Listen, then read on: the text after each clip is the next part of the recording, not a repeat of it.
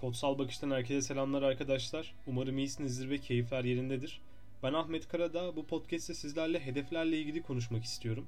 Aslında hedeflerle ilgili derken geçmişte bazı hedeflerimiz vardı. Şu anda da hedeflerimiz var. Bunlara ulaşmaya çalışırken bazılarında başarılı ve bazılarında başarısız olduk. Başarısız olduğumuz hedeflerde ya hayırlısı buymuş deyip işin içinden çıktık mı? Yoksa neden başarısız olduğumuzu sorgulayıp bunlardan ders çıkartıp bir sonraki hedefe öyle mi hazırlandık? Bunlarla ilgili sizlerle konuşmak istiyorum. Geçen hafta liderimle birebir görüşmem vardı ve bu yıl içerisinde benden hedeflerimi belirlememi istedi. Yani bir sonraki görüşmemde liderime benim bu yılki hedeflerim şunlar şunlar deyip belirteceğim ve bunun üzerine de aslında bu hedeflerin benim için nasıl olduğunu liderimle beraber değerlendireceğiz. Ve bu arada eğer ki dinliyorsa liderim Genci abiye de buradan çok selamlar. Şimdi iki haftalık sürem var ve bu hedeflerin belirlemeden önce şunu düşündüm. Ya biz her zaman aslında hedef belirliyoruz ve aslında çoğu zaman da kendimize bir yol da çiziyoruz. Peki bu yola çizerken gerçekten bu hedef benim için doğru mu veya bu hedefte benim ulaşmak istediğim nokta veya izleyeceğim metot doğru mu? Bunun kararını aslında yaparak görüyoruz, aksiyon alarak görüyoruz. Ve aslında biraz daha sürem olduğu için bu hedeflerle ilgili de bir araştırma yapmaya karar verdim. Ben hedef koyarken neye dikkat etmeliyim ve bunu aslında nasıl uygulanabilir aşamaya geçirmeliyim? Bir yol planım nasıl olmalı veya doğru olduğunu nasıl anlarım benim için bu yol planının? Onu araştırmaya başladım ve burada edindiğim bilgileri de aslında sizlerle paylaşmak istiyorum. Öncelikle bir hedef belirlenirken SMART kriterlerine uyuyor mu uymuyor mu buna bakın diyorlar. Bunlar da işte SMART'ın da Türkçesine direkt okuyayım size. Spesifik olması, ölçülebilir, ulaşılabilir, gerçekçi ve zaman sınırlı olması. Buna da mesela bir örnek vererek e, gitmek istiyorum. Şimdi diyelim ki ben örneğin mesela bel ve çevresindeki yağları kasa dönüştürmek, kol kasında da kas kütlemi arttırmak istiyorum diyelim. Peki bunları istiyorum. Bunlar benim için hedef artık. Okey. Peki ben bunu nerede ve ne zaman yapacağım? Örneğin benim evime 5 dakika uzaklıkta bir spor salonu var. Bu spor salonuna kaydolabilirim ve pazartesi günü haftaya pazartesi buna başlayabilirim. Genelde o pazartesiler hiç gelmiyor bu arada. Bu da ayrı bir konu ama eğer ki böyle bir şeye niyetlendiysem 1-2 gün içerisinde aksiyon almayı tercih ediyorum.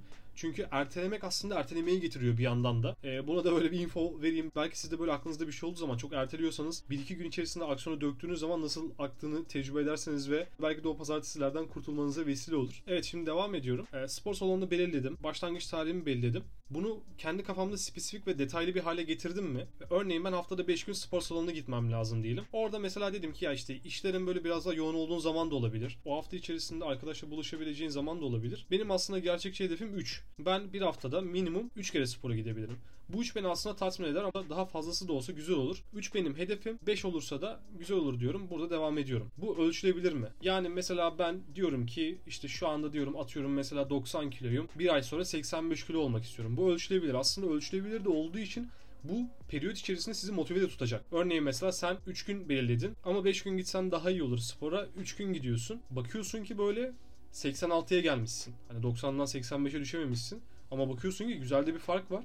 O zaman dersin ki ben bunu 5'e çıkartayım. Hiç değilse bir sonraki ölçümde bu benim için daha motive edici ve vücudumu daha sağlıklı hale getirici bir unsur olsun. Peki spesifik, ölçülebilir ve ulaşılabilir olmayı hallettik baktığımız zaman bu örneğimizde. Peki bu hedef benim için gerçekçi bir hedef mi? Gerçekçi bir hedeften kastım ne? Aslında bu hedefin bizim değerlerimizle, hedeflerimizle ve çıkarlarımızla uyumlu olması gerekiyor.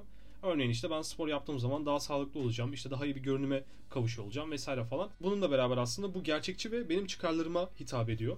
Süper. Bir sonraki aşamaya baktığımız zaman da zamanımızı belirlememiz gerekiyor. Aslında ilk başta dedik ne dedik? Ben her ay örneğin mesela 5 kilo vermek istiyorum.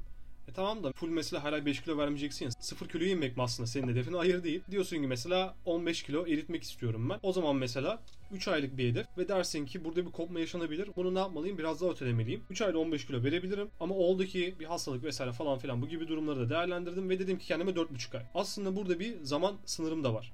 Baktığımız zaman spesifik, ölçülebilir, ulaşılabilir, gerçekçi ve zaman sınırlı hedeflerimi koymuş ve o yolda ilerliyor oluyorum. Mesela burada gerçekçiye geldiğimiz zaman örneğin biz işle ilgili bir hedef belirleyeceksek genelde şirketler senin burada gelişiminin şirketle paralel olmasını ister. Örneğin mesela diyelim ki İngilizce bilmiyorsun ve İngilizce öğrenmek istiyorsun. İşte bu İngilizce öğrenmek istemen hem senin işinde bir artı sağlayacaktır hem de senin kişisel hayatında bir artı sağlayacaktır. Aslında senin bu hedefin şirket hedeflerinde paralel bir hedeftir. Yani sen bunu gerçekleştirebilirsin. Bunu yapman aslında senin için iyidir. Mesela yine buradan bir geçiş yapıyorum. Ölçülebilir olma noktasında da verdiğim İngilizce örneğinden çıkıyorum.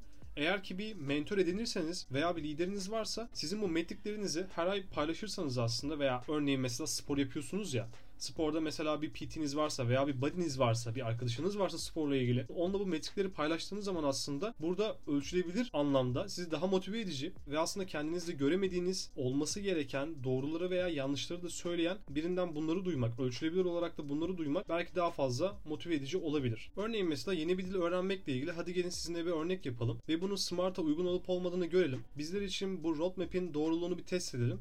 O halde başlayalım. Örneğin benim smart hedefim ne? Diyelim ki mesela önümüzdeki 6 ay içinde her hafta en az 5 gün boyunca 30 dakika süreyle İspanyolca dilinde alt yazılı filmler izleyeceğim. İlk 15 dakika süreyle dil pratiği yapacağım. Ayrıca bu süre zarfında bir dil değişim partneri bulup haftada bir kez onunla online seanslar düzenleyerek aslında İspanyolca konuşma becerilerimi geliştirmek ve arttırmak istiyorum. Spesifik olarak baktığımız zaman aslında hedef belirli aktiviteleri film izleme, günlük dil pratiği, dil değişim partneri bulma ve dil becerileri İspanyolca konuşmayı içeriyor. Ölçülebilir kısma baktığım zaman haftada 5 gün 30 dakika süreyle film izleme, günlük 15 dakika dil pratiği ve haftada bir online konuşma seansları düzenleme şeklinde belirtiliyor. Ulaşılabilirliğe baktığımız zaman hedef bireyin günlük konuşma yaşantısına uygun bir şekilde planlanıyor ve gerçekçi bir dil geliştirme sürecini hedefliyor. Gerçekçiliğe baktığımız zaman da dil öğrenme hedefleriyle uyumlu ve kişisel bir gelişim amacına hizmet ediyor. Zaman sınırına baktığımız zaman da 6 aylık süreye yayılmış bir zamanı görüyoruz ve belirli aktivitelerin de ne sıklıkla yapılacağını içeriyor. Aslında Smart'ın örneğine baktığımız zaman da bence birçoğumuz hedef belirlerken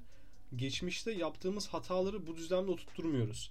Yani bir roadmap çizerken bir hedef belirledikten sonra o hedef doğrultusunda yola çıkarken birçoğumuz mesela kendimize bence spesifik mi, ölçülebilir mi, ulaşılabilir mi, gerçekçi mi veya bunun için belli bir zaman belirledim mi vesaire falan bunları sormadan biraz da kervan yolda düzülür mantığıyla yola çıkıyoruz. Umarım bu podcast size güzel şeyler katmıştır arkadaşlar. Kodsal Bakış kanalına abone olmayı unutmayın ve bildirimleri açmayı kesinlikle unutmayın. Bir sonraki podcast'te görüşmek üzere. Güzel kalın, hoşçakalın.